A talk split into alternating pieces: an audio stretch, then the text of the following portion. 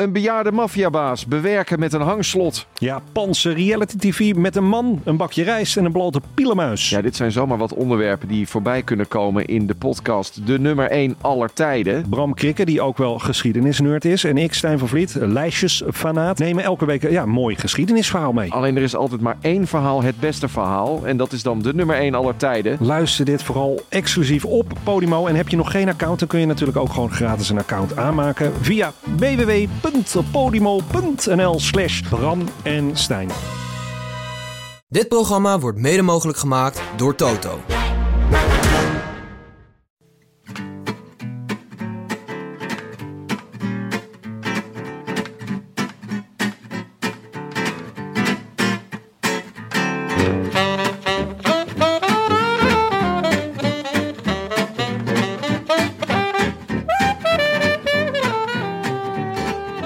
Donderdag 11 juli en vanuit Pompet in het Amsterdamse Noorderpark is dit de Rode Lantaarn, de wielerpodcast van Het is Koers.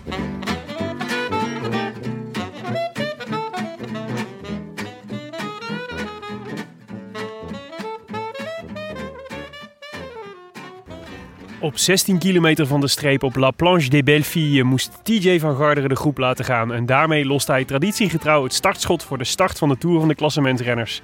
Een etappe die werd ingeleid door Chicone en de zeven Belgen. Waardoor de toch al emotionele dag van Michel en José werd geüpgrade naar full frontal sentimenteel en turbo-nationalistisch. Het zij ze vergeven. Na al dat Nederlandse geweld van de afgelopen weekend is het leuk dat de zuidelijke vrienden van de show ook eens wat te vieren hebben. Van de Gen tot Wellens tot Maurice, één voor één moesten ze vervolgens passen. Maar op het laatste grinpad richting Springplank bleek de op twee na leukste Dylan van het peloton ten lange leste toch sterker dan Giulio La Isla Bonita Chicone, die overigens een keurig geel truitje overhield als een eigen avontuur. Als eerste over de streep echter, de mooiste zege uit zijn carrière en geen gechagrijn bij Bahrein, Dylan Teuns. Teunske Ale, vooruit dat is ver, dat is stoempen ver. en trekken en sleuren. Maar hij moet het meestal van die lange inspanning hebben in een sprint. De Ciccone is eh, van het kortere, Heeft hij nog vinniger een versnelling? Ja, hij heeft die nog heeft één. hij inderdaad nog. Die heeft hij inderdaad nog. En dan komt Ciccone met eh, wilde rukken. Dan gaat Alaphilippe.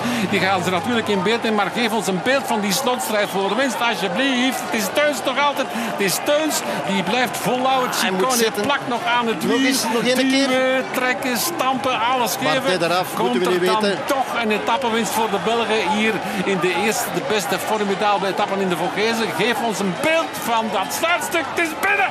Het is binnen. Hij laat hem achter. In de Vuelta kon het niet, maar hij gaat het wel klaar krijgen in deze ronde van Frankrijk. We hebben etappenwinst.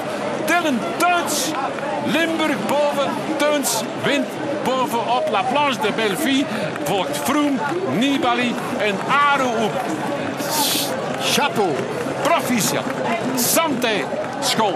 We pakken alles mee. I wish I could be in the south of France. In the south of France. Sitting right next to you.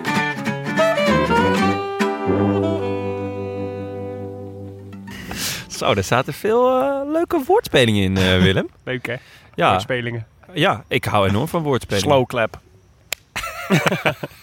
Jongens, ik doe zo mijn best. Ja, nee, ik ben een groot fan. Ja, Eh, ik ook. ja. Klinkt als uh, te land in de lucht, toch? Geen chagrijn bij Bahrein. Met je as over de plas, heerlijk. Oké, even een eh, omgevingscheck. Ja, ik hoor eh, vogeltjes fluiten. Ik hoor Oh, vogeltjes. dat was ik, sorry. Groezemoes. Ik hoor eikenprocessie rupsen keren. Nee, ho, die boom waar we onder zitten is 100% eikenprocessie rupsvrij. Heeft Thomas Spronk mij eh, op het hart gedrukt. Hij is gecleaned. We zitten onder een, ja. onder een eik dus, Ja. blijkt. Ja. Eh, in het Noorderpark in Amsterdam. Bij, eh, naast Pompet. Dus mocht je ook wat terrasgeluiden horen, dan is het dat. Want Café het is een, Pompet. het is een je- beetje een, het is een, het soort begin zomeravond gevoel heb ik. Het is net, net niet warm genoeg. Maar Hmm. toch eh, aangenaam genoeg om buiten een podcast op te nemen. Heerlijk. Ja. Echt prachtig. Heb je gezwommen vandaag? Want dat is toch een beetje jouw traditie. Hier. Ja, nee, ik, ik, eh, het, daar was het echt nog wel net te koud voor.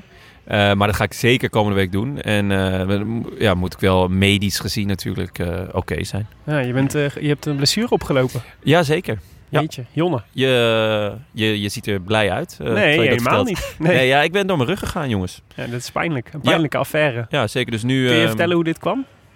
Dat kan ik zeker, ja. Ehm, ik speel op maandagavond padel. Eh, ik sta ook wel bekend als Padel Evans.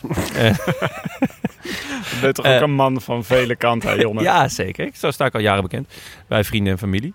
Eh, dat is een eh, mix tussen tennis en squash. Dat is wel buiten. Ja. En dan heb je dus een achtermuur. En er was een bal die daar in de buurt kwam. En ik haalde hem uiteraard, we maakten het punt ook. Maar ik viel me, ving mezelf op tegen de muur met Ai, een... eh, ai. in het, ja, eh, bij het schaatsen zouden ze zeggen een handje aan het ijs. Maar dit was even een voetje tegen de muur. Ja. En dat was eh, te veel voor mijn toch al reumatoïde rug. Oh jee. Dus eh, toen schoot het erin. En het schoot er eigenlijk niet meer uit. Mm. Dus eh, vandaar dat ik nu loop eh, als iemand eh, ja, die... eh, Beetje een- Dan, Dan Martin naar een bergrit. ja, en dat, dat, gevoel krijg dat ik een hij beetje. de hele bergrit zonder zadel heeft gefietst ook. Maar je klinkt weer als een nachtegaaltje. Ja, zeker. Ja, ik heb, Goed eh, dat je de, ook weer het rooskleurige ziet. ja. Je kan niet meer lopen, je rug is helemaal vernacheld, maar je klinkt fantastisch. Dus hup, aan het werk. ja, dat bedoel ik eigenlijk. Ja, Hey, eh, jij hebt eh, vanmiddag hier gezeten, hè? ja was ontzettend leuk. Lekker in Pompet naar eh, wielrennen Ja, gekeken. Ik zag eh, hier een, groot, eh, grote televisiescherm hangen. Ja, nou, Thomas, die, eh, Thomas Pronk, eh, waarvoor wederom hulde, die heeft hier weer het, eh, het wielercafé Het Verzetje eh, uit de grond gestampt. Ja. Dus de buitenbar is eh, weer versierd. Dit keer met een klein, eh, ja, een klein stadionnetje eromheen, een tribune. En eh, hij heeft een heel grote tv gekocht. Met eh, ja, nu nog een, een, een, een stream-accountje. Maar vanaf maandag hebben we ook gewoon een goede, goede tv-account. Mhm. Waardoor we ja, echt zonder enige vorm van problemen kunnen genieten van, ehm, van de koers. Ja. En eh, er waren er vandaag ook al wel wat mensen, dus dat was ontzettend leuk. Leuk. Ik werd ook eh, een paar keer aangesproken. En eh nou, er was een student journalistiek die kwam nog kijken ja, hoe wij dat allemaal aanpakten. Ja. Nou ja, dat, eh, Hartstikke hij- leuk. Hij was niet onder de indruk. Maar Dat maakt niet uit. nee, het was echt, eh, echt heel erg En jij wordt hier weer vaste klant in de komende, in de komende, dagen, of komende weken. Ja, zeker. En ik, ik hoop velen met mij, jongens. Ja. Eh, ik zou zeggen, scheur je een keertje los van het Ja, gezin. volgens mij is het een beetje het idee En, dat wij elke donderdag wel eens een beetje hier zijn. En elke zondag eigenlijk ook. Ja, ik, ik, ben- ik ben die donderdag en zondag ben ik er sowieso. En dan sluiten jullie hopelijk zo snel mogelijk aan. Ja. En dan is het lekker samen koers kijken en daarna opnemen. We doen ons best. Tim, hoe heb jij je vandaag eh, doorgebracht? Op heb de je bank. kunnen kijken? Op de bank in Amsterdam-West. Wat goed. Ja, ik heb, eh, dit jaar heb ik eh, gewoon, als ware het eh, afspraken in mijn agenda, heb ik gewoon eh, de belangrijke finishes heb ik geblokt. Dat weet ik. Ja, want ik heb jullie er ook allemaal voor uitgenodigd. Zo'n soort mailbombardement van alle belangrijke momenten in de Tour. Man, man, man. Ik Mijn- schrok me mijn, dood. Mijn office manager kreeg ook een hartverzakking Ja. ze al die afspraken zag. Wow. Wat is dit voor Ik kan waanzin? niks meer doen drie weken lang. Nee. Nee, ik bedacht me ook toen jullie dat net zeiden, dacht ik, dit is natuurlijk de eerste donderdag van de Tour. En dan gaan er gewoon nog twee volgen. Mhm.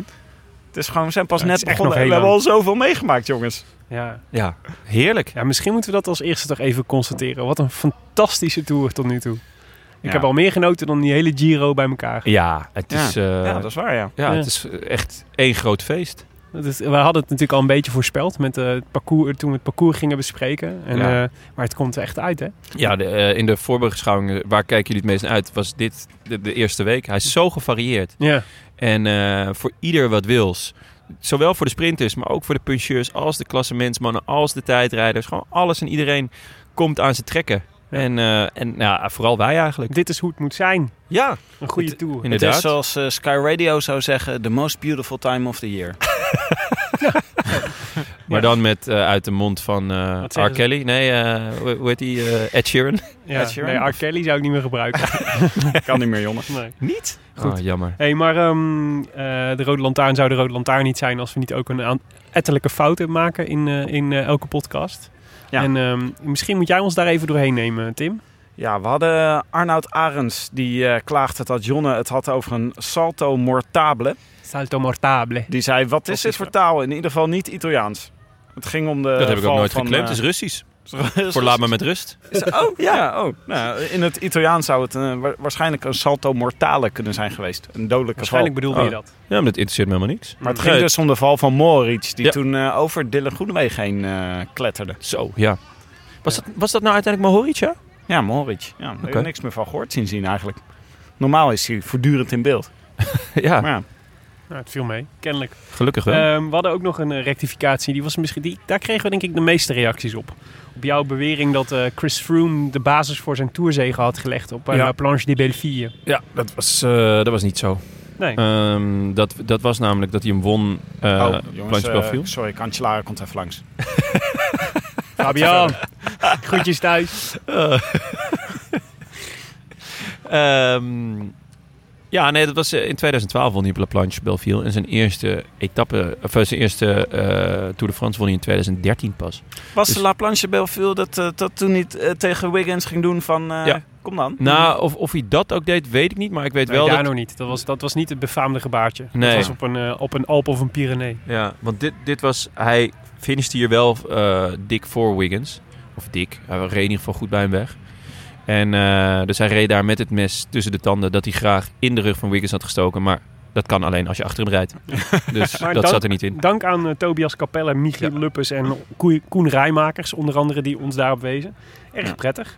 Eh, en er waren nog meer mensen die, eh, die eh, over ons eh, taalgebruik vielen. Ja, het was een, eh, een eh, goede aanvulling eh, die we kregen van Tjerd Bijman.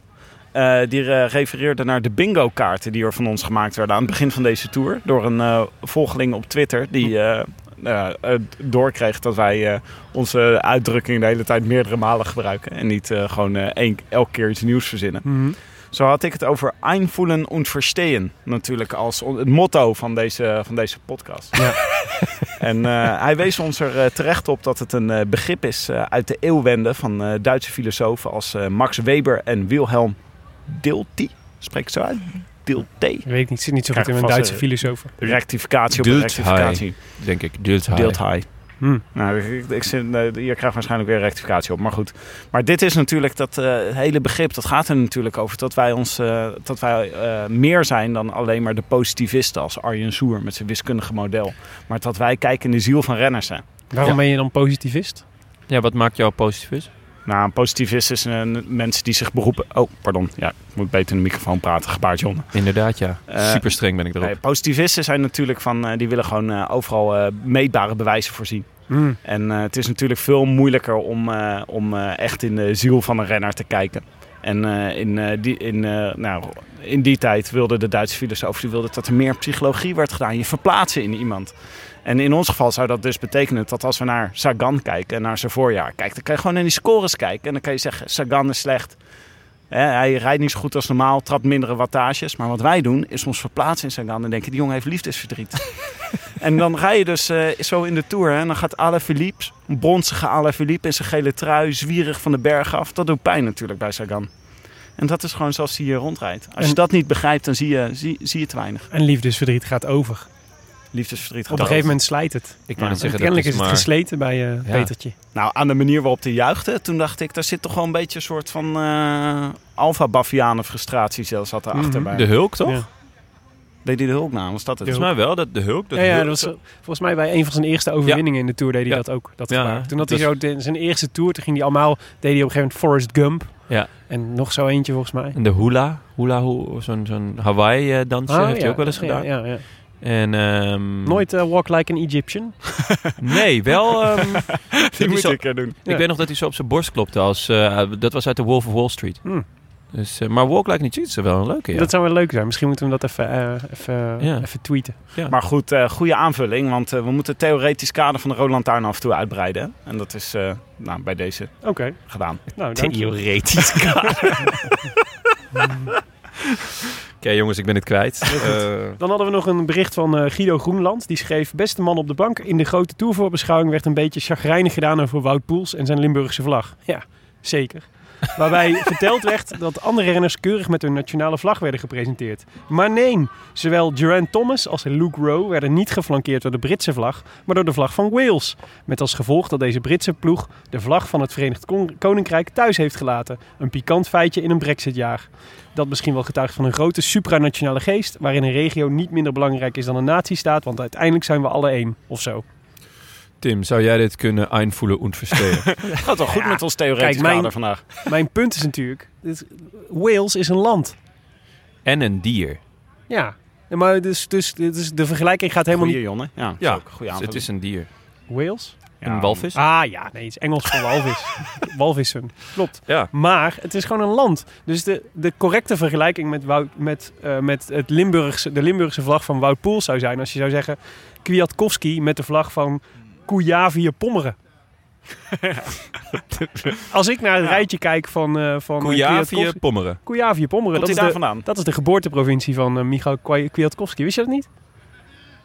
Nee, ik ken eigenlijk alleen zijn geboortestad. Nee. Zit jij toch slecht in de feiten soms? Ja, Kujavië-Pommeren, dat is een hartstikke interessante regio in, in, in Polen. En daar komt Kwiatkowski vandaan. Hebben een vlag. Die zie ik niet naast uh, Kwiatkowski staan. Daar staat gewoon de Poolse vlag. Dus het is gewoon een beetje gek. Ik had nog, een, eh, ik had nog op eh, Twitter gevraagd hoe je Tom, de voornaam van Thomas nou eigenlijk uitsprak. G. En daar kreeg ik een heleboel eh, YouTube-filmpjes waarin mensen dat voordoen. Maar het kon dus eigenlijk niet. Garant, toch? Nee, Garant? Het is meer zoals, eh, zoals je pint uitspreekt. Grind. Grind. Grind. Grind Grind. Thomas. Ja, ik kreeg ook nog een eh, heel lief maar- maar- van een vriend van mij, eh, Jan Lodewijk, die eh, een hele uitleg gaf over hoe je go, Godu moet uitspreken. Maar de uitleg was dusdanig ingewikkeld eh, dat ik het niet echt heb begrepen. Gaudu. Go- ik, ja, ik denk... Godu? Hij begon met iets van go du trou en dan moesten we u trou eraf halen. Of trou eraf halen. Dus een go du. Go du. Nou ja. Lekkere referentie. hè? Maar ik vond het wel heel lief dat hij dat even appte. Want Want toch het was alweer tien jaar heel, niet aan Mark Dutroux gedacht. Misschien moeten we eh, heel lange uitleg was het. Thomas gewoon Gerrit noemen. Dat stelde iemand anders ook Of voor. gewoon Thomas. Hm, Gerrit Thomas. Ja. Oké. G. Hey jongens, we hebben net eh, eh, heerlijk op het terras een, een friet haché gegeten. Zo. Hier bij Pompet. Frietbuff. Frietbuff. En daar, eh, oh, frietbuff. En daar doen we natuurlijk, eh, hadden we natuurlijk een, eh, een lekker wit biertje bij. Maar nu zitten we aan het, aan het dessert. Dus ehm, ik heb even eh, een, mooi, een mooi boy koffie van eh Il Magistrale laten aanrukken. Voor Heerlijk. jullie. Speciaal. Speciaal voor ons hebben ze die hier, hier neergezet. Mooi boy koffie. Tim, Lekker. welke renner refereert dit aan? Mooi boy. Ja, dat kunnen een heleboel zijn. Maar ik denk dan toch vooral als eerst aan Sinkeldam. Ja, wij Wel allemaal. de mooiste Nederlands kampioen van de afgelopen 10, Ja. 15 jaar. Ja. Ik vind het wel echt jammer dat eh, Arno de Mare niet de Tour rijdt. Die hoort toch ook al gewoon bij het meubilair van de Tour de France inmiddels. Ja. Ja. Maar allemaal voor dat ene grote doel van Thibaut Pinot. ja. Ja. ja, hij is geen plaats voor een sprinter. Ja, jammer. pijlen staan, eh, op, eh, alle pijlen staan gericht op eh Pinot. Maar mooi boy koffie dus. En Cream- creamy chocolate, rich jasmine en soft stone fruit. Rich erop. Jasmine. Oh, dat Rich v- Jasmine. vind ik echt wat voor hem. ja, dit is Ja. echt... En, Niks eh, schreeuwt zo Ramon Sinkeldam als een rich jasmine. Eh, er ligt er nog eentje van Il Magistrale. Die hebben ze hier achter de bar. Dat is eh, die van Wout Poels. Ja, uh, where is Wout? Where's Wout? Where's Wout? Ja. Ja, die Dutch- gaan we... Dutch Cowboy Coffee. Die, die, die, proef- die is, pas- die is pas naam. goed in de derde week, hoorde ik. Het is nu nog niet lekker. Nee, die schijnt heel slap te zijn momenteel. Goed. Jongens, we zijn een paar dagen onderweg en we hebben, we hebben, nou, we zeiden al, we hebben ervan genoten tot dusver. Het is hoogtepunt na hoogtepunt. Maar ehm, als jullie er één mogen noemen, wat zou je dan zeggen? Tim? Ehm, ja, ik, het openingsweekend, jongens, echt ongelooflijk. Maar eh, als ik er even iets anders uit mag pikken, dan zou ik zeggen: wat is Ale Philippe goed?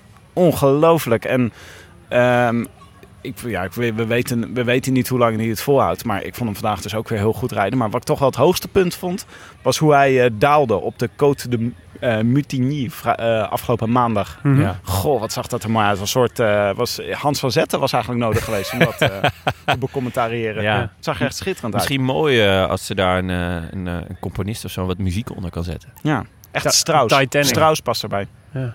Strauss of Titanic? Ligt heel ver uit elkaar. Oké, we zitten Allebei rampzalig wat mij betreft. En jij Willem? Eh, ja, ik, eh, ehm, nee, dan, als ik toch het hoogtepunt moet noemen, dan is het toch wel de tijdrit van Jumbo-Visma.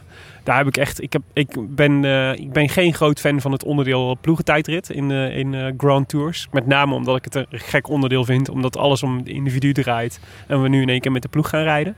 Maar ehm, eh, ja, wel Jon, ik zie, jou, ik zie jou een beetje mee waarknikken. Maar ik dat vond is het heel is, gewoon een beetje raar. Nou, maar, Maar- dan wil ik wel graag een keer dat we het nog een keer gaan hebben over of wielrennen een teamsport is Ja, of een individuele sport. Daar maken we wel een keer een special over. Vind ik goed. Maar ik vind het, eh, ik vond het, ik, ik heb echt schreeuwend achter de tv gezeten om eh, de Jumbo-Visma's verder, no- nog wat verder op te doen schuiven in de vaart en volkrood. Gingen die gruwelijk hard, zeg. Ja. En ehm, het was natuurlijk echt zo. We hadden natuurlijk al een beetje in de voorbeschouwing gezegd van dat wij eigenlijk vonden dat de Jumbo-Visma's voor ons de favoriet waren in, de, in, de, eh, in de, deze ploegentijdrit. Omdat ze eigenlijk gewoon die ideale ploeg hebben daarvoor. Zeker toen Zoer zijn theorie op ging hangen over je moet er eigenlijk ook een goede, juist goede sprinters bij hebben om op gang te komen. Weet je wel, dat Ja. soort, en om die, die wattages te kunnen trappen.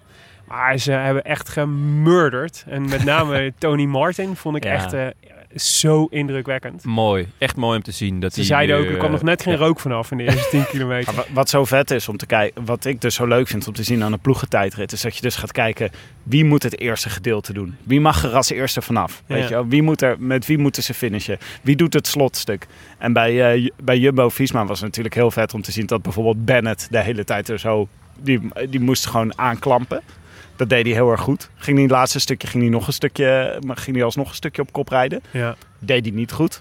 was hij dan, Nee. dat is dan, eh, dat is zat Kruiswijk in de weg. hij zat Kruiswijk, zat hij in de weg. Kruiswijk zat er, zat er echt goed bij. Maar Ja, iedereen deze beurten deed, deed dus goed. Het was, zat strategisch heel erg goed in elkaar. Ja. En wat een beest van eh, die Wout van Aert is ook... We zijn bijna vergeten, vorig jaar zat hij helemaal niet, was hij helemaal niet bij Jumbo. Twee zat hij helemaal niet op niet in peloton. Hij was drie was jaar geleden nog niet geboren. Maar mooi- ongelooflijk. Ja, heel vet. Het was een mooi interview met Julian Vermoten eh, op Wielerflits.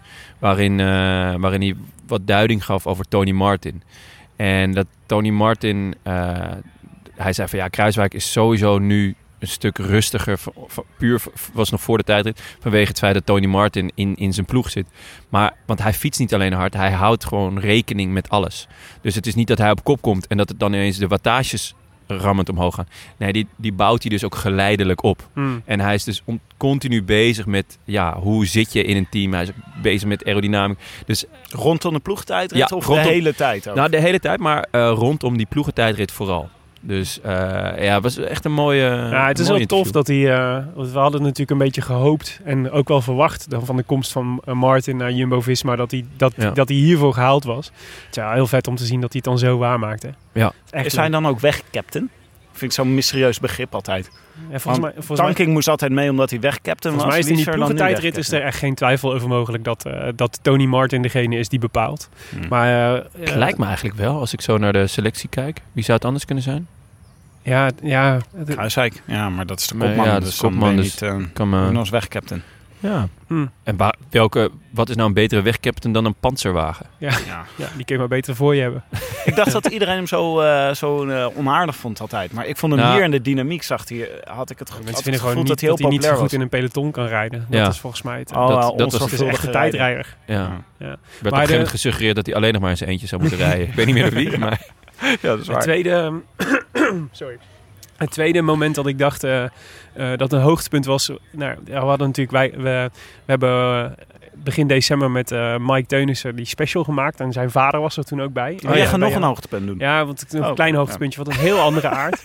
Maar zijn vader was er natuurlijk ook bij. En we zagen toen hij die gele trui droeg voortdurend zijn ouders ook in beeld. Die hem overal probeerden bij de bus te komen en dan even succes wensten.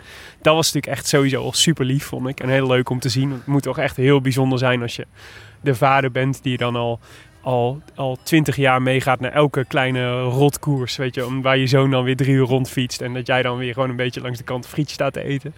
En dat je dan in één keer in zo'n situatie komt dat hij in één keer het centrum van de wereld is geworden. En dat je dat dan, nou ja, daar wil je natuurlijk bij zijn en meemaken. Maar zo lief om dan, dat je dan, je ziet aan hem, aan, dat hij dan ook zegt, probeer er ook van, van te genieten. Weet je wel, dat Ja. soort dingen. Ja. En ik zag later nog zo'n beeld, en dat was een beetje vergelijkbaar bij de bus van Ineos. Waar de opa en oma van Dylan van Baarle eh, langs kwamen lopen. En, ehm, en even, even eh, hun eh, kleinzoon eh, eh, Dylan een eh, knuffel kwamen geven. En daar zat zo'n heel klein beeldje in van, de, van Dylan die, weer, die zijn oma drie zoenen gaf. En weer vervolgens weer terug in de bus ging. En dan de opa die nog even zo heel snel, heel snel een paar keer zo over zijn arm wreef. Toen dacht ik, oh, er zit zoveel liefde in om dat om zo te zien. Ik dacht, dat is Ja. toch ook de mooie kant van de Tour. Zo die, al die familieleden die, zomaar mee, die eh, zo mooi meeleven met alles. Heb jij nog hoogtepunten, eh, hoogtepunten van de eh, eerste Tourweek? Eh, ja, er zijn, ja, heb ik. Ehm, er zijn voor mij eigenlijk altijd twee echte eikpunten in de tour. Dat ik weet van oké, het is weer begonnen. Eh, we mogen weer. Dat is eigenlijk de eerste keer dat ik smiddags in slaap val. Met het gekabbel van Michel en José op de achtergrond. het openingsdutje. Het openingsdutje. Zo zou je het kunnen noemen. Eh, dat was, wanneer was het? Ik denk maandag. Kan ook dinsdag zijn geweest, wil ik vanaf zijn. Dus dat was heerlijk. En Vrij vroege piek, vind ik. nou, het openingsdutje kan met mij niet vroeg genoeg Oh, eh, ja, ja. komen hoor. Hoe vroeger je, want het eerste dutje is, eh, is toch ook weer wennen. Dus eh, hoe sneller je daar goed ingedut bent, hoe belangrijker. En eh, het tweede punt, ehm, dat is toch, eh want je weet, oké, nu, nu gaat het echt beginnen, is als BJ van Garderen lost. en vandaag werden we echt verwend, want hij loste. Toen kwam hij weer terug. En hij loste weer. dat was echt... Ja. Zoals, Willem, Heerlijk. zoals Willem in de inleiding al zei, de Tour begint pas echt als eh TJ Van moet is gelost. Ja. ja, want hij was natuurlijk, dat is ook wel leuk. eh, hij was gewoon tweede geworden vorige maand in, eh, in de Dauphiné. Ja, ja. En eh, daarom denk ik ook dat er ook best wel weer wat mensen bij Scorito bijvoorbeeld erin zijn gestonken. En toch BJ hebben op, opgesteld. Ja, je weet, BJ kan niet diep gaan. En dat is, dat is belangrijk bij BJ. Goed, jongens, de koers van vandaag. We gingen naar eh, La Planche des Belleville. Oh ja, de koers. Er is vandaag ook Ja, gekoerst. er is vandaag ook gereden. En hoe? Eh, ja, La Planche des Belleville. Een, eh, eh, en een heleboel klimmen onderweg. Maar de, de, de, het eindigde op, de, op, eh, de, op de La Planche des Belleville. En dat is eigenlijk, nou ja, die was al lang. Stijl en 7 kilometer. En eh, ze hebben er de laatste kilometer nog eens eh, aan, eh, aan toegevoegd. Ongeplaveid. Dus met ja, een beetje gravel, gravel road was het. Met ook nog eens hele steile stukken. Dus dat was eh, spektakel. Parkerende renners die zigzaggend over het parcours moesten om, eh, om maar boven te komen. Ja. En, en ja, uiteindelijk vrij korte rit, 160 kilometer, maar wel loeizwaar. En eigenlijk dus echt de eerste echte grote klassementstest in deze Tour. Zoals zonde altijd van dit soort eh, parcoursen. Dan, als ik dat zie, als ik dat profiel zie, dan denk ik... Oké, ze gaan allemaal wachten tot de laatste berg. Dus eh, dat is altijd wel jammer. Dat Ja. je denkt, ja, kopgroep, wachten tot de laatste berg. Als het geweld zeg maar iets eerder zit in de koers... dan eh, krijg je al eerder verschillen. Dat is Ja. wel leuk. Diep van binnen weet ik het. Maar toch ergens in aanloop er naartoe neemt mijn naïviteit het dan over. En denk nee joh, die ene laatste berg is ook echt al stijl. Of daar die ze- daarvoor is ook wel echt al. Nou, ze hadden het proberen op te lossen door bonificatiesecondes te doen hè, op de, op de Ja. eer- ene laatste berg. Ja. Maar eh, ja, no, Nee, one, ja. no one gives a shit. Nee, nee maar ging- het verbaasde mij toch wel dat, ze, dat de, de kopgroep zoveel ruimte kreeg. Er was, werd vrij snel een kopgroep ge- gevormd. eh, eh, met eh, leuke namen erin. André Grijpel, Cosnefroid. De, de, de grote toertip van eh, Ja. Oliver Naassen. Julien Bernard, eh Chicone, Nicolas Arndt van eh, Sunweb. Berhane, Grelier, Niels Poliet. Andrea Pascalon. Ja, dus, Grijpel en Pascalon, wat die sprinters daar deden, dat verbaasde me ook. Waren ook ehm Wellens, Teuns, Maurice en Pauwels. Mooie kopgroep. Zeker. Zeker. Een hele Ja. mooie kopgroep. Maar ehm Ja, zeven- leuk dat Grijpel gewoon, ik weet niet, die heeft vanochtend gedacht, zeven bergen. Ja, het lijkt me... Dat is wel iets voor mij. Ja, of het was een kopgroep waar die per ongeluk in verzeild raakte. Ja, dat is me volgens mij wel eens eerder gebeurd. Misschien wordt hij een berggorilla. nou, ja. Ja, gewoon op latere leeftijd. Dat hij zich ontwikkelt tot een als- berggorilla. ja, ik vind het toch altijd leuk als ik hem zie rijden. Heb je dat niet? Ik ben, ja, ik ben echt groot fan. Ja. Maar zeven minuten. Ik, ik had eigenlijk wel gedacht dat, eh, dat er zo vroeg in de Tour... Ik, vermoed, ik dacht, zijn er genoeg mensen fris die eh, wel voor de overwinning willen gaan? En dan moet je ook klassementsmannen die hier een kans ruiken... dan moet je ze niet zeven minuten laten rijden. Want dan, heb je, dan is het, wordt het ingewikkeld. Ja, en wat hier ook opvallend was, geen mannetjes meegestuurd. Ja.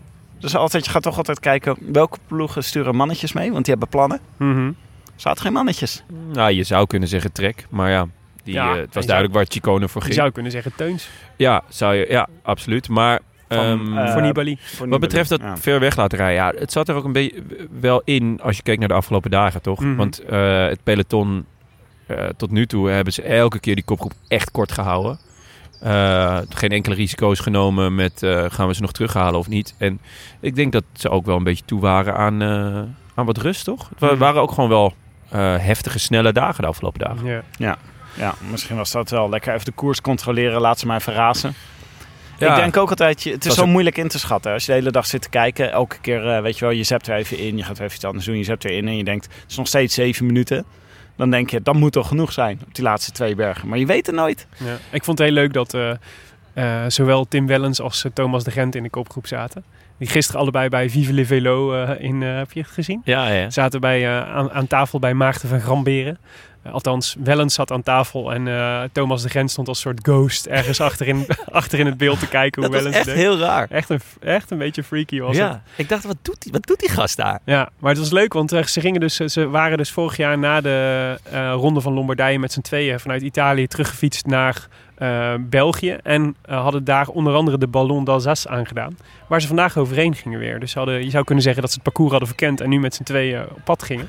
En sindsdien gaan ze niet meer dan 10 meter uit elkaar of zo. Nee, ja, kennelijk. Want, ja. ja. Ah, Ik vond de Gent wel een beetje tegenvallen eigenlijk vandaag. Want hij is normaal altijd zo- zo'n ontzettende doorbijter. Die heel erg lang... Op een gegeven moment ging die in zijn, ging die in zijn eentje. Dat was wel een beetje vroeg Ja. voor, voor de Gent.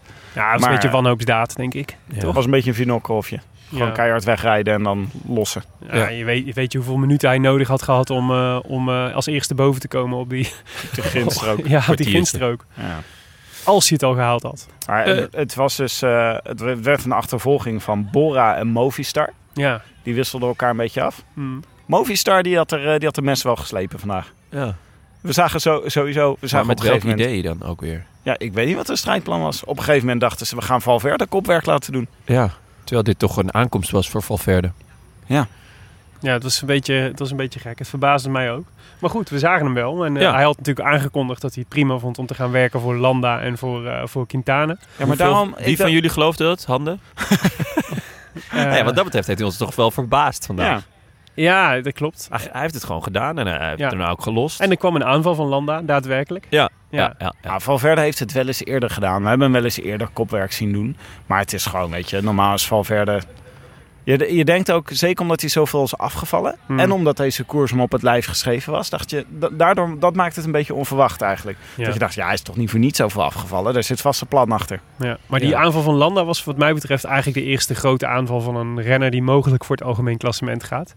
En ehm, goh ja, ik dacht even, dus de, de, de eerste, de eerste 100 meter dacht ik, oh hier zit wel snit op. Dit was op En La Planche, toch? En het ging Ja. echt, eh, Ja. het ging uit als een nachtkaars bij Landa. Ja, maar ehm, wel heel leuk dat hij dat gewoon doet. Ja. En uiteindelijk verliest hij ook niet heel veel. Dus ja, het is ook Klappend niet voor de tv, hoor. Maar ja, ja dat is toch, ik, ik vind Landa echt een leuke renner. Mhm. Die, eh, Hij probeert het in ieder geval. ja, hij valt gewoon aan. En eh, ja, misschien eh, ehm, ja, gaat, gaan de knechten van eh, Ineos... Want volgens mij zat alleen Kwiat zat er Mhm. nog. Eh, weet je wel, misschien is Kwiat wel onmiddellijk weg. En dan, dan isoleer je in ieder geval die eh, Bernal en Thomas. Ja, en wie weet. Oh, misschien was dat ook het idee. Want als we ervan uitgaan dat Quintana de echte kopman is bij, eh, bij Mobistar... dat de strategie was om Kwiat eraf te rijden van Landa. Zou kunnen, maar ik denk niet dat Landa dat denkt.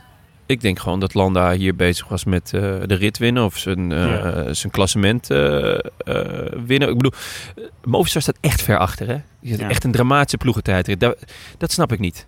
Nemen ze allemaal jongens mee voor het semi-middengebergte, half hoogrijders en drie kopmannen. Mhm.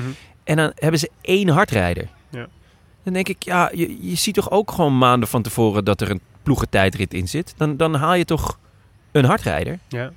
Hetzelfde het geldt voor Asje Dessert. Dan denk ik, ja, je, je bent nu weer enorm de hele achter tijd de feiten aan het rijden. achter de feiten Ja. aan het rijden. Terwijl je je van tevoren aangeeft eh, dat, dat dit je belangrijkste koers is van het jaar. Hm. Ik snap daar helemaal niks van.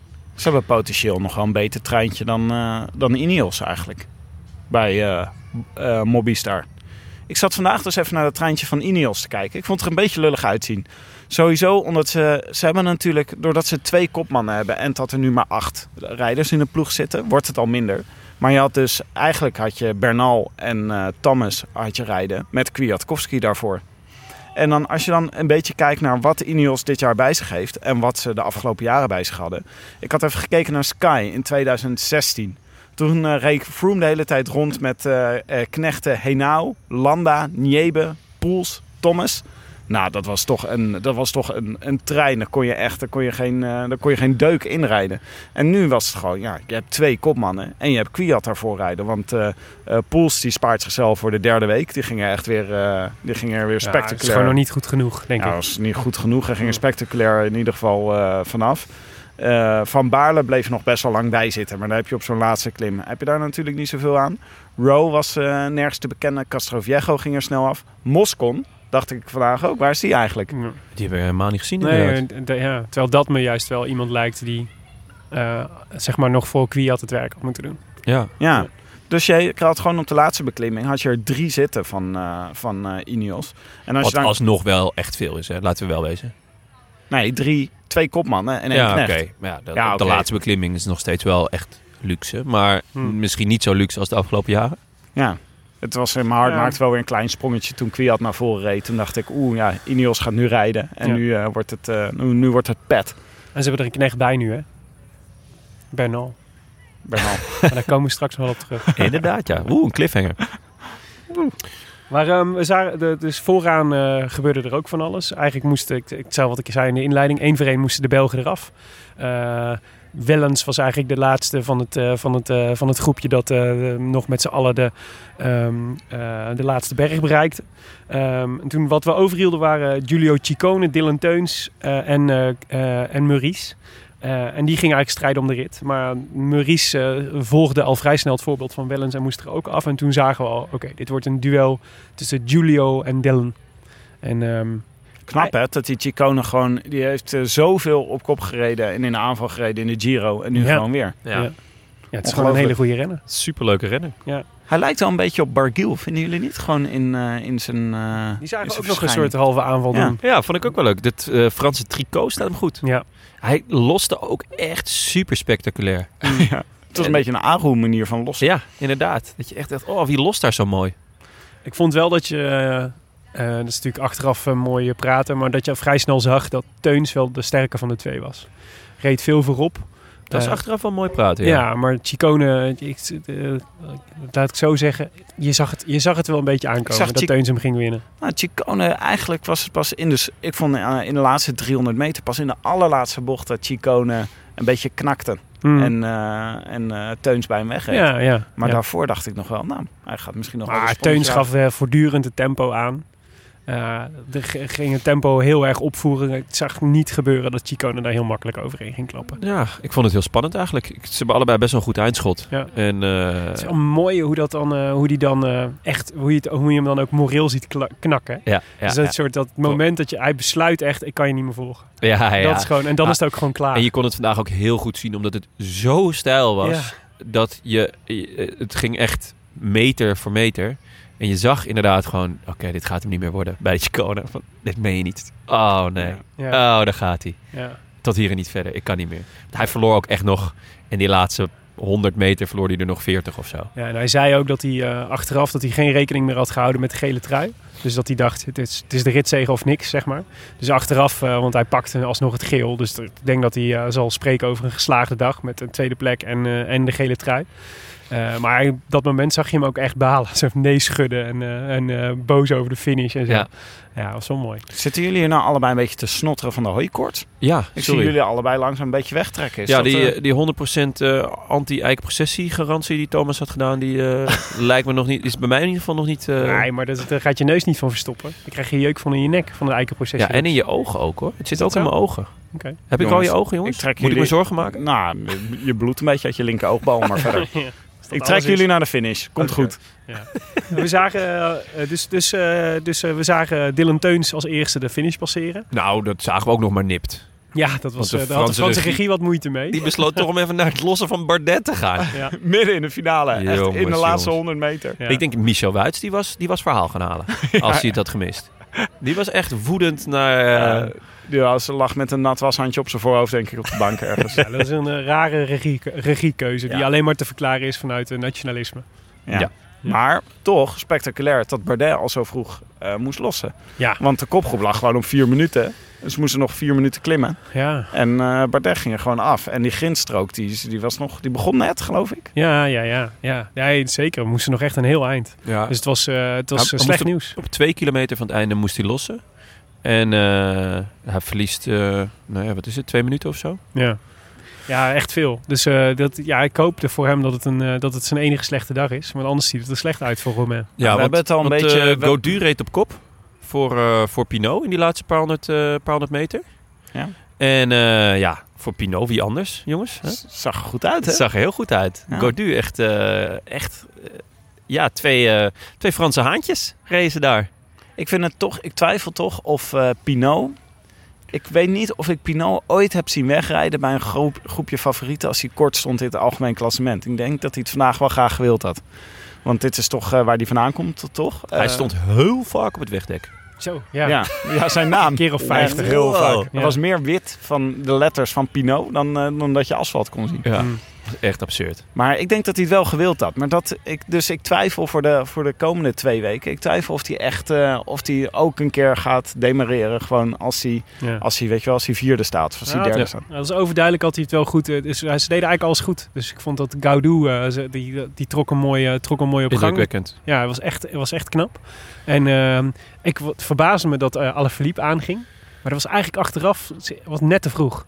Pinot had een betere timing. Dus, Ja. eh, dus eh, Alaphilippe- ik denk dat Pinot hem eh, dat beter had verkend en bedacht had waar, eh, waar hij zijn, eh, zijn versnelling in kon zetten. Maar dat laatste stukje, joh, dat was, wat was het, 24% of zo? Ja. Dat was ongeveer hem tegen, recht tegen een muur naar boven fietsen. Ja. Dat was wel een mooi spectaculair gezicht. Want hier was gewoon voor het eerst alle klassementsrenners in de Tour... waarvan je er sommige gewoon nog niet echt in beeld had gezien. Ja. Die dan één voor één... Het is een soort catwalk eigenlijk daardoor. Omdat ze dan gewoon één voor één voorbij komen. Ja, ja. Ja. Ja. je zit vooral ook te kijken wie er niet bij zit. Hè? Dat is eh, wie er aan de achterkant uitvallen of wie er te ver achterin zit en zo.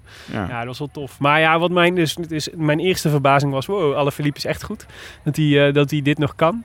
En, eh, en, eh, want ik had dat toch eigenlijk niet echt verwacht. Dat hij hier zo, dat hij hier zo makkelijk eh, mee zou kunnen. Hoewel het natuurlijk ook wel weer echt een aankomst voor hem is. Ja, het is- gewoon het een is- snelle, snelle klim. Ja, het is, het is een eerste categorie met, een, eh, met, met heel steile stroken. Ja, dat is, dat is toch ook wel echt wat voor hem. En hij heeft super moraal natuurlijk met die gele trui. Dus dat Ja. zal ook ongetwijfeld ook helpen.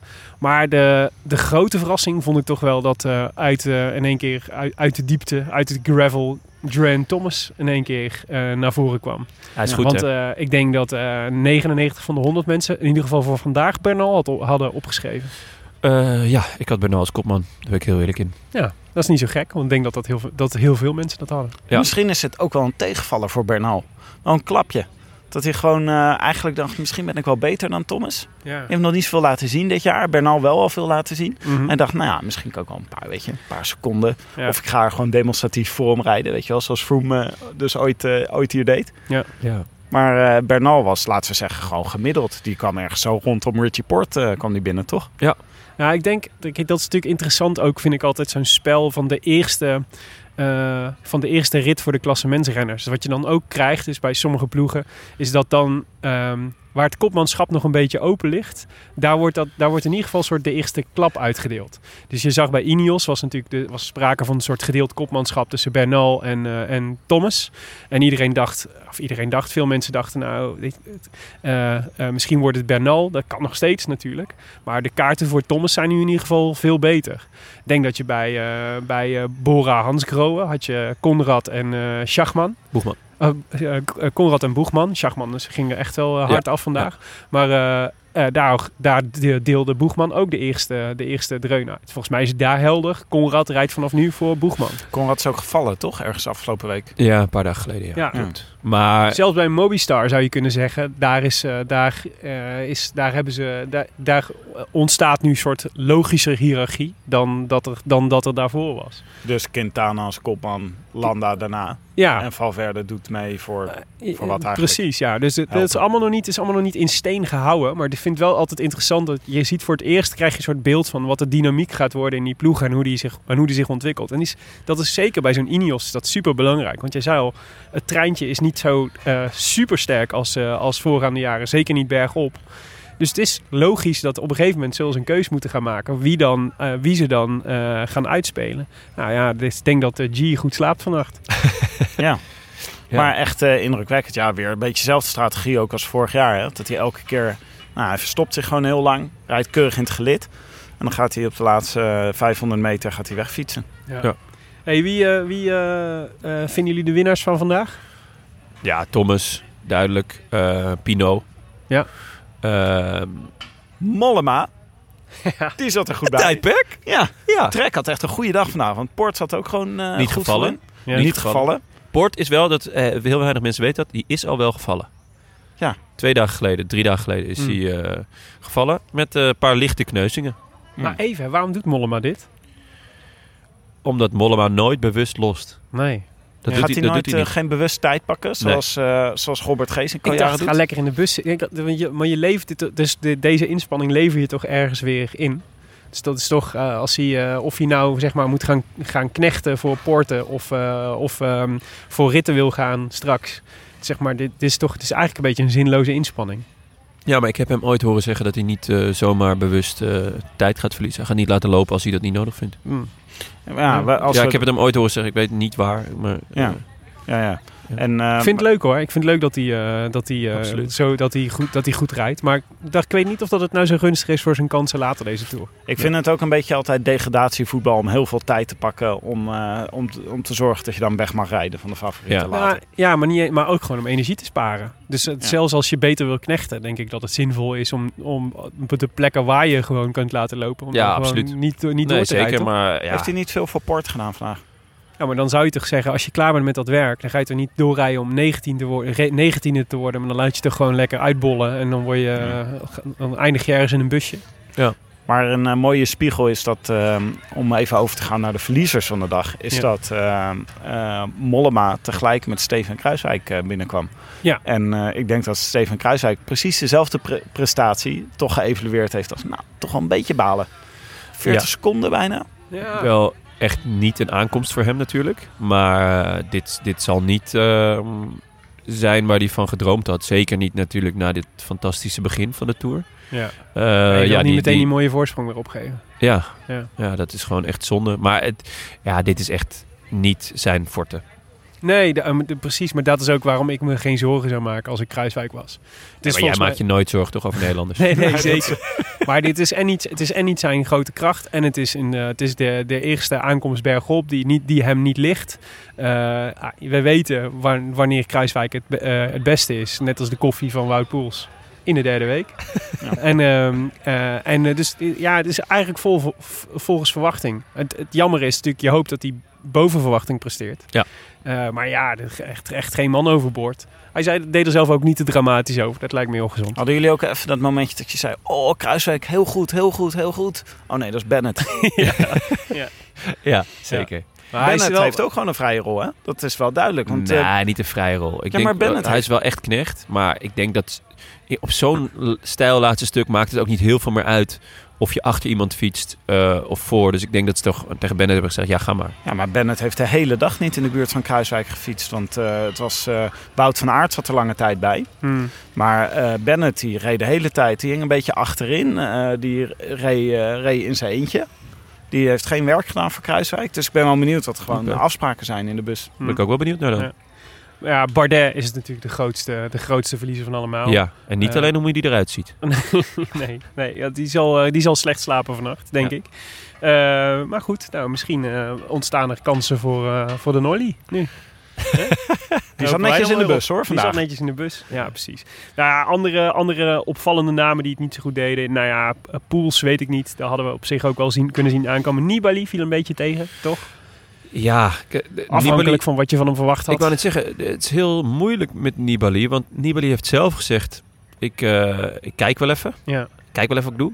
Eh, wel. eigenlijk vlak na de Giro zei hij, ik ga voor etappes en de bolletjestrui. Daarna zei hij, toen alle topfavorieten uitvielen, ja, hè, als een haai bloed ruikt, zei hij, nou, ik kijk wel even. En toen zei zijn team ineens, nou, hij gaat voor een klassement.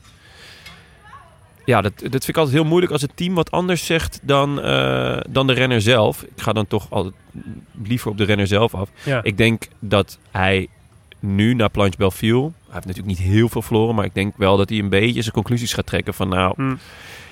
ik ga hem niet winnen deze Tour. Nee. Eh, ik, ik, eh, het zou me niet verbazen als hij de komende etappes wat tijd verliest en dan toch voor, gewoon voor lekker gaat aanvallen. Andere conclusie die we mogen trekken is dat eh, Sunweb eh, alle klassementsambities heeft laten varen. Nou, Voor met jouw hadden. chauvinisme kan Kelderman de Tour nog wel winnen, toch? Ja, hij heeft nu tijd laten, tijd laten lopen zodat hij, eh, dat hij in de volgende ritten weg kan. eh, weg een, kan monster, een monster is een ontsnapping. Ja, maar het is toch wel, ik vond het toch wel eh, echt eh, een beetje pijnlijk. Volgens mij werd de eerste Sunweb-renner vandaag 57ste. Ja. Tja, tja, tja. Weet je En ze hebben toch ook Nicholas Roach bij zich, hè? En, eh, en eh, van Kelderman zou je toch misschien ook nog wel iets meer verwachten. Nou ja, ik, ik niet. Hij heeft gewoon echt heel duidelijk gezegd... jongens, ik ga niet voor een klassement... want daar ben ik momenteel niet goed genoeg voor. Hij is gewoon gevallen. ehm, en, en tuurlijk, hij stond er echt goed voor. En ik, ik, eh, ik gun het hem ook echt. Maar ik gun hem eigenlijk nog meer dat hij gewoon... lekker een etappe wint en lekker gaat koersen. Een goede fietsvakantie heeft. Exact. Weet je wat leuk is om nog wel even naar te kijken? Eh, de tijden, eh, hoe snel de, de, het plankje van de mooie vrouw eh, beklommen is. Mhm. Oh, ja. Eh, de de omineuze twitteraar Amat Alpio Rally. Die we al wel eens eerder hebben genoemd. Zeer de moeite waard om te Heb je, volgen. hebben we hem toen ook zo soepeltjes genoemd? ja, ging kwam er soepel uit. Hè? Misschien kan iemand ons een, eh, een soundclip spraakbericht, sturen. ja. met hoe je dit uitspreekt. Maar eh, die, eh, die heeft even gekeken naar hoe snel er geklommen is. En dan tot aan de oude finishlijn. En dat vertekent natuurlijk wel een beetje. Want Ja, een beetje veel. ja, want je gaat natuurlijk, je spaart jezelf ook natuurlijk voor die laatste kilometer die er nu aan zat. Ja. Froome die reed er eh, 16 minuten en 20 seconden over in 2012. Nibali reed er iets langzamer over in 2014. 16 minuten en 45 seconden. Aru reed er het allersnelste over eh, in 2017. 16 minu- minuten en eh, 12 seconden. Deed vandaag ook ermee. V- Ja, vandaag deed hij mee. Ja. Die heeft letterlijk elk centimeter van de klim heeft hij beklommen. Heb je hem gezien? Van links naar rechts over Al- het parcours ging Ik wou net zeggen, als je die laatste Geen kilometer... grindhap, hè, de hele tijd. Want die mond zo ver open. Lekker schrapen. nou, als jij de laatste kilometer omschrijft als een catwalk... dan was het loopje van Aru niet het mooiste van alle modellen. Jullie zien het verkeerd. Aru die geniet enorm van deze beklimming. Dus die, voor hem kan het gewoon niet lang genoeg duren. Hij wil elke centimeter meepakken. Ah, jij, jij bent echt een Aru-versteer, hè? ja, nee, echt een Aru versteer. Maar dat was dus, het snelste was dus 16 minuten en 12. Dat eerste gedeelte. En eh, vandaag was het 17 minuten. Maar ja, ze hebben zich waarschijnlijk ook gespaard voor de laatste kilometer. Dus eigenlijk kunnen we geen conclusies over trekken. Goed punt. Lekker koffiedik kijken. Als we kijken naar het eh, algemeen klassement nu, dan staat Giulio Ciccone dus bovenaan op 6 seconden van eh, Julien Alaphilippe. Nou, er zijn nog wel de komende dagen genoeg etappes die alle verliep op het lijf geschreven zijn. Maar die die 6 seconden nog wel kan terugpakken. Ja, ik, eh, de- daarop terugkomen. Is Alaphilippe dan ook een verliezer vandaag? Nee. Ja. Nou, ik denk dat hij echt wonderbaarlijk goed gereden heeft. eh, Had hij voor, beter kunnen doen. Ja, ze had het, Ja. gat, het gat kleiner kunnen houden. Ja, toch? Ja. Wel een beetje. Ja. Ik denk toch, ja... Maar ja, wie neem je daarvan mee als, eh, de, als eh, de koning Quickstep? Ja, toch het eh, klassement van Mas eh, opofferen. Ja. ja. het het is wel een leuk. hoge prijs, vind ik, voor, Ja, eh, voor nee, een dagje extra geel voor Julien. Ja. Ik vind het wel leuk dat Mor Morkov eh, ineens bergop eh, moet rijden. Ik denk Die dat, zie je daar toch een partij zweten en ploegen. Die moet normaal gewoon sprints aantrekken. ik wou net zeggen, ik denk dat Morkov er zelf niet zo blij mee is. Als we naar de klassementsmannen kijken, de, eigenlijk de eerste die we tegenkomen is George Bennett. Staat vierde, 47 seconden. Op 2 seconden gevolgd door eh, Thomas. Bernal op 53, Pino 58, Kruiswijk 104. Dus dat staat eigenlijk allemaal super dicht bij elkaar nog. Ja. Het is echt binnen een seconde of 20 eh, eigenlijk die eerste, dat eerste groepje. Eh, en ja, de, de verschillen zijn verder nog niet zo. Het zijn natuurlijk nog niet zo heel erg groot. Dus als je zeg maar een minuut na, eh, na Thomas zou pakken, dan kom je op 1,49. Nou, daar staat Dan Martin, Landa, Quintana, Yates, Mas, Boegman, Vogelsang, Oeran, Woods. Die staan eigenlijk allemaal nog binnen de minuut. Woodsy. Ja, zelfs Woodsy staat er binnen een minuut. Ja, dus de, nog niks verloren. Eh, je zou wel hooguit kunnen zeggen dat, eh, dat eh, de Tour voor Bardet eh, ingewikkeld wordt om nog te winnen. Hij gaat hem niet meer winnen, nee. Daar eh, wil ik wel een, een wetje op leggen. Jonne, hoe staan we, in de, hoe staan we ervoor in de Scorito-pool? Oh ja, zeker. Ja, dat is, eh, eh, dat is genieten. Althans genieten. Ik sta extreem gemiddeld op een 1216e plek. Dat is Eh, niet gemiddeld. We hebben meer dan 3000 deelnemers. Dus je staat eh, aan de goede kant van eh, Ja, in het linkerrijtje. aan, het goede, aan de goede kant van de geschiedenis. Dat ben Ja. ik wel gewend. Een heel maar- lang linkerrijtje, daar sta jij in. Ja, nee, klopt. Ehm, Tim staat 897ste. Netjes. En met jouw voorspellende en versteende gaves is dat eigenlijk nog teleurstellend, om heel eerlijk te zijn. En Willem, wat jij aan het doen bent, is... Ja. Dat mag Tim even verstehen, want ik snap er echt geen zak van. Ik Heb, heb, heb je wel een team opgesteld? ja, ik- mijn enige echte grote fout tot nu toe was dat ik gisteren, gisteren al het team voor eh, La Planche de Belleville had eh, ingediend. En eh, ja, daar, daar scoor je niet zo. Kwam dat door al die eh, afspraken in de agenda van Tim? Dat je niet meer wist wat het noorden was? Ik weet het niet. Ik kwam er eigenlijk achter, zeg maar zo rond een uur of één eh, op de dag. Oh. En toen dacht ik, oh, dit wordt een half uur te laat. Ja, Ah, dat maar ja, is, goed. Ja. Eh, nou ja, voor weet de, het, hè, ik piek ook in de derde week. voor, voor de Net de volledigheid. koffie van. Eh, Willem staat bijna laatste. Die staat 2953ste.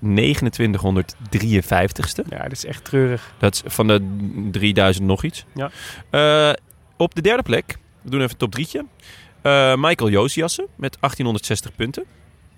Eh, op de tweede plek Al. Al Metzel. Ja. Al Metsel. Al. Ja. Eh, 1865 punten. En op plek 1 Braak. Dirk van Braak. 1866. 1866 punten. Eh, Tim, conclusie? Nou, dat is eigenlijk dat is wel echt dicht bij elkaar. Dat is dus Ja. zes punten het verschil tussen nummer 1 en 3. Allemaal. En eh, allemaal binnen schotsafstand voor jou. ja, Jonne. goede conclusie, Tim. Jongens, Parijs is nog ver. Dat is het enige wat ik wil zeggen. ja, voor jou wel, ja. Ja. Goed. Hey, ehm, ehm, de voorspelbokaal hebben we natuurlijk ook nog. Daar moeten we even naar kijken. Ja, We hadden er eigenlijk twee onderdelen. Ik zal weer even de ingewikkelde uitleg doen die hierbij hoort. Mhm. Het is, eh, eh, de, dankzij onze sponsor zijn er Rode Lantaarn prijspakketten. Daarin zitten allemaal ontzettend leuke dingen die je kan winnen. Zoals eh, een boek eh, uit het wielerfonds van eh, Atlas Contact. Ja. En eh, dingetjes van eh, Canyon. Een eh, foto van Nairo Quintana van de muur. Nou echt, je kan er niet verzinnen, zo leuk. En die kan je op twee manieren krijgen. Namelijk als je een fiets koopt bij Canyon met de kortingscode Ton Garçon. Waarvan de eerste O een 0 is. En de eerste T een kleine letter. De eerste T een kleine letter. Dat is trouwens echt niet correct, hè? Ik, eh, Ton Garçon schrijf je eigenlijk altijd met een Ja, hoofdletter. behalve als kortingscode. Ongelooflijk. Ja, maar de, we moeten de kortingscode toch niet al te makkelijk maken. Nee, oké, dat is waar. Je krijgt ook een gratis bike dus. guard als je dan eh, een, eh, een fiets bestelt eh, bij, eh, bij onze fiets van de show, Canyon. Maar een andere manier om eh, het prijspakket te winnen is door mee te doen met de hashtag voorspelbokaal. Eh, en eh, ik moet voor de volledigheid daar nog even bij zeggen dat we alle prijspakketten allemaal direct na de tour versturen. Zodat we het allemaal in één keer kunnen doen. Hmm. Zo, dat was de administratie. Wat hadden jullie bij de voorspelbokaal van Nou ja, we, hadden de, we moeten één eh, administra- eh, administratief ding doen. Dat was namelijk, we hadden namelijk de voorspelbokaal. De vorige voorspelbokaal ging namelijk over twee eh, ritten. Waarvan we de tweede nog niet hadden, hadden eh, besproken. Want we hebben zaterdag opgenomen en zondag was de ploegentijdrit. Eh, en daar was toen nog maar één iemand die in aanmerking kwam voor een eh, voorspelbokaal. Omdat het de enige was die Mike Teunissen goed had voorspeld. Dat was eh, Sander Epping. Eh, die Sander had Eppo Epping. Sander Eppo Epping. Die, eh, maar die had eh. Ja. Mike Teunissen als de, de winnaar van de rit in Brussel. En eh, Team Ineos eh, als de, de winnaars van de, van de ploegentijdrit. En ja, dat is natuurlijk eigenlijk fout. Want Ineos werd tweede en niet eerste. Maar ik dacht, ja, als je Mike Teunissen goed hebt, vriend van de show goed voorspeld hebt in Brussel, dan moeten wij niet de lulligste zijn. Ja. Dus ik heb hem toch maar uitgeroepen tot, eh, tot eh, winnaar van de, van de voorspelbokaal. Na uitgebreid overleg met de notaris, of dat dit allemaal mocht volgens de statuut. En volgens de statuten mocht ik eigenlijk gewoon doen wat ik wil. dus, eh, nou ja, Staat dat in de statuten? artikel 12 Dat weet lid A. Echt? Ja. Oh. Dus, ehm Wie heeft die hartstikke mooi. statuut San- geschreven, joh? eh, ik. Goed. Sander Eppo Epping. Die mocht dus de groeten doen. En dat doet hij eh, bij deze. Hallo, ik wil u heel erg bedanken dat de winst mij toch nog toekomt. En ik ben een enorm groetjesmens. Dus ik wil graag de groetjes doen. Allereerst aan Mike Teunissen, omdat hij mij de overwinning bracht. Aan Giel en Harmen. En daarnaast aan alle luisteraars. Kusjes. Bedoelt hij met Giel en Harmen? Bedoelt hij Giel, Belen en Harmen Siezen? ik denk het, maar wel vet om enorm goedjes mensen te zijn en af te sluiten met kusjes. dat vind ik echt heel knap. Zouden wij ook moeten doen. Goed. Vandaag hadden we, een tweede, hadden we natuurlijk de tweede voorspelbokaal alweer. eh, naar La Planche de Belleville. Eh, Tim, je had eh, Michael Woods voorspeld. Die werd 16e. Ik had Daniel Martin. Die werd 14e. Jonne, Julien Alaphilippe. Veel vertrouwen. Ja, Ja. twee dagen te laat eigenlijk. Ik heb, Julian ik heb gewoon... Alaphilippe. Ik heb trouwens. alle Philippe voorspeld voor vandaag. Ongeluk- ik heb hem bij Scorito namelijk niet opgesteld. ik dacht, Ja. nou, dat is te zwaar voor hem. Nou ja, Ja? ik heb hem hier gewoon voorspeld. ja. Ja. Ja, Wonderbaarlijk. Net als eh, ik eh, Dylan Teuns eh, als Dark Horse had eh, genoemd tijdens de voorbereidingsaflevering. Maar hier gewoon voor Michael Woods ben gegaan. Die gevallen is ergens in de afgelopen paar dagen. Ja, dus ook was al. ook niet helemaal eh 100. Er waren drie mensen die het wel goed hadden. Dat waren namelijk Mark Brinkman, Dirk Meijsen en Patrick Bot. En die laatste wint na loting door de notaris de voorspelbokaal. Gefeliciteerd Patrick. Jij wint het, eh, het eh, Rode Lantaarn en Slash Canyon verrassingspakket. En je mag in de volgende show, dat is dus aankomende zondag, de groetjes doen. Jee, Patrick Bot. Echt leuk. Oké, laten we naar de volgende etappe dan gaan. Ja. Eh, wij zijn er zondag weer. Zaterdag wordt een eh, spectaculaire rit. Ja. Daar zou ik zeker voor gaan zitten. Ja, zondag ook. Je weet het nooit met dit soort ritten. Weet je niet wanneer het precies ontvlamt. Maar het is zondag dus eh, ook weer een uitdagende rit. De negende etappe van de Tour. Geen meter vlak. En de grootste uitschieters zijn de Muur d'Orac sur Loire. Eh drie kilometer, eh 11% klimmen. Dus dat zijn dat soort klimmetjes. Weet je, het zijn, eh, het zijn heel veel... eh, Heuvelachtig heet dat dan. Muurtjes, muurtjes. Muurtjes, ja. Maar het is echt... ehm, nou ja. Punch, punch, punch. Punch, punch, punch. Ja, precies. En eh, er zijn, eh, ja, ze eh, experimenteren dus met die bonificatieseconden. En nu iedereen zo dicht bij elkaar staat, kan dat wel eens interessant worden. Maar het is wel uitermate moeilijk te voorspellen wie zo'n etappe wint. Ja. Wie heb jij opgeschreven, Willem? Je hebt heel veel mensen opgeschreven, zie ik. Ja, ik heb heel veel mensen, omdat ik dan... Ik probeer, soort, ik probeer het gewoon te bedenken wie zou dit kunnen worden. Ik denk namelijk dat het wel dat het een, een etappe wordt voor de vluchters. En het is eh, de 14 juillet, dus eh, dan zijn de Fransen natuurlijk altijd extra scherp. Ja hoor, kom je nu mee? Ja, dus dan, ja, dat is een kwestie van voorbereiding, Jonne. Dan zijn de, dan zijn de Fransen extra scherp. Dus ik dacht, ik moet naar, eh, naar eh, Total kijken. Hè? Die eh, nog Ja. niet zo heel veel laten zien. Maar dit zijn denk ik de etappes waar ze op eh azen. Nou, dan heb je een aantal namen die dan natuurlijk naar boven komen. Maar ik denk, en daar ga ik uiteindelijk voor, dat dit de dag van Niki Terpstra wordt. Niki Terpstra. Een Fransman. Gaat, eh, gaat, de, gaat Nicky Terpstra. de enige Nederlander in een Franse ploeg die eh, de Tour rijdt, die, eh, gaat, eh, die gaat, hem, eh, gaat hem winnen. Zou leuk zijn. Ik ben benieuwd wat hij vandaag gedaan heeft. Jonne, jij? Ik ga voor eh, Peter de Grote. Ah. Hij is weer helemaal terug. De Hulk. En eh, de Hulk, ja, hij is weer helemaal terug. Liefdesverdriet is over. Dus het wordt een sprint. Gebroken hart is geheeld. Nou, sprint niet, maar een, eh, een, uitgedunde, een uitgedunde groep. Dus Mhm. niet eh, de allersnelste mannen zullen er niet meer bij zitten. Maar het zou me niet verbazen als eh Sunweb gaat rijden. Ja. Als Bora gaat rijden. Als, eh, nou ja, wat, eh, wie, wie eh eh, Mitchelton misschien. Wanty inderdaad, voor Maurice of voor eh, Pascalon. Ja. Ehm, Trentin, weet je wel, dat soort jongens. Eh, ja, Nou. zou ik leuk vinden. Peter Sagan, schrijven op. Tim? Ik heb het witste gebit van het peloton opgeschreven. Die Niels Pollitt. Mooi. de man die de Alpecin gebruikt voor zijn tanden. Katusha heeft niet zoveel meer om voor te rijden. Dus ik denk dat hij heel veel gaat aanvallen. Ja. Pollitt is goed in vorm dit seizoen. Eigenlijk als enige van Katusha in de laatste vijf jaar. En hij sprint lekker de laatste dagen. Ja. Hij, voor iedere keer verrast het me dat hij, eh, dat hij eh, best kort eindigt. Ja, Dus, en eh, vandaag was het echt een beetje te zwaar voor hem. En zat hij wel in de kopgroep. Ja. Maar eh, ik denk dat hij zondag eh, dat dat meer, eh, meer in zijn straatje ligt. Oké, nou Niels Poliet, Peter Sagan en Niki Terpstra. Meedoen kan via eh, de Rode Lantaarn op Facebook. En like die pagina dan meteen even. Maar het mag ook via hashtag voorspelbokaal op Twitter. Ja, dit was hem voor vandaag. De eerste donderdag van de Tour. Eh, in, eh, in het Noorderpark in Amsterdam. Heerlijk. U luistert naar de Rode Lantaarn. Gepresenteerd door uw favoriete parkzitters. Willem Dudok, Jonnes Riese en ikzelf, Tim de Gier. Met dank aan Wielercafé Het Verzetje. En eh, Thomas Spronk, die dit allemaal mogelijk maakt. En onze nieuwe sponsors, Scorito en Canyon. De Rode Lantaarn wordt mede mogelijk gemaakt door Dag en Nacht Media en Het is Koers.nl, de wielerblog van Nederland en Vlaanderen. Wij danken hen op, eh, voor de steun op vele fronten en in het bijzonder Leon Geuyen, Maarten Visser, Bastiaan Gaillard en notaris Bas van Eyck. Tevens gediplomeerd brandweerman te Maden. Eh, daarover gesproken is nog nieuws eh, van de brandweermaden. Nou, er was, eh, er was wel een incidentje. Namelijk, er werd, eigenlijk half Brabant werd opgeroepen. Dus omdat er brand leek te zijn bij Shell in Moerdijk. En dan gaan alle alarmbellen af. Want Shell in Moerdijk is natuurlijk chemisch en zo en eng. Dus nou, Bas had er wel zin in. Maar wat bleek, het was loos alarm, wederom. Toch weer die belbejaarden. Ja, als is die, toch ongelooflijk? Als die belbejaarde degene was die afval aan het verbranden was op een binnenvaartschip, dan, dan heb jij gelijk. ja, want dat was er aan de hand. Dus het was, eh, het was, ja, het was loos alarm. Geen brand bij Shell, maar op een binnenvaartschip en dan ook nog eh, gecontroleerd. Wederom een meeslepende update. Wil, je, wil je reageren op deze uitzending? Via Twitter zijn we te bereiken via Willem Dudok, Tim de Gier en Ton Garçon, waarvan eh, de eerste T een kleine letter is en de eerste O een nul. En we hebben tegenwoordig ook een mailadres en de mailtjes blijven binnenstromen. Dat vinden wij echt superleuk. Post at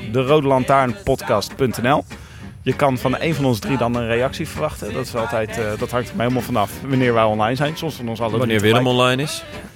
En eh, abonneer je ook op iTunes. En eh, laat daar in elk geval een reviewtje achter. Want dat helpt andere mensen om de podcast te We vinden. hebben er meer dan 500 inmiddels. Oh, gefeliciteerd. Jubileum. Zeker. Lekker. Eh, hebben we nog een eh, reviewtje? Ja, zeker als er 500 zijn, dan hebben we er, kunnen we er nog wel eentje voorlezen. Genieten met een hoofdletter G. Groetjesmens of niet. Door groetjesmens of niet. Eh, beste bankzitters, wat een heerlijke aflevering weer. Mensen kijken me raar aan als ik gewapend met koptelefoon breedlachend over straat hobbel als een hobbelpaard. Ik kreeg kippenvel toen de sprinttrein van Hare Jumbo-Visma werd, werd benoemd. Dit belooft een tour te worden die zijn weerga niet kent. Dit leek mij het enige juiste moment om mijn stilzwijgend luisteren te doorbreken en mijn waardering voor deze podcast neer te pennen in een recensie. De podcast en de vrienden van de show doen mij anders kijken naar de door mij zo geliefde sportwielrennen. Doordat je de gasten leert kennen, ga je op cyclingstats kijken naar een tot dan toe relatief anonieme, anonieme renner als Tusveld of Rozen. En kijk je naar diens uitslagen alsof je een soort Arjen Zoer bent om elke kleine progressie te ontwaren. Via deze weg bedank ik jullie voor de vele uren van glimlachend luisteren, al gaat dit niet in combinatie met de tevens door mij geliefde paprika superchips. Willem, heb jij dit gewoon geschreven? Nee. Je zit gewoon weer recensies in te pennen. Hè? Je hebt er gewoon 500. Ik ben, Willem ik, heeft ik zal, 500 recensies geschreven, ik jongens. zal eerlijk zijn dat ik daar niet vies van ben, maar deze is niet van mij. Oké. Eh, groetjes of geen groetjes? Bart, we weten het niet. Mooi. Ja. Leuk Bart, Kusjes. dankjewel. Groetjes of geen groetjes terug, zou ik zeggen. Hey, eh, dat was het. Etappe 6 alweer van de, van de, de Tour de France. Wij zijn er aankomende zondag weer, ook in Pompet. Dus komt allen langs, want het wordt hartstikke gezellig. Eh, en na afloop van de etappe nemen we, een, eh, nemen we weer een podcast op. Dus eh, jongens, à bientôt. A biento. A bientôt. I wish I could be in the south of France. In the south of France, sitting right next to you.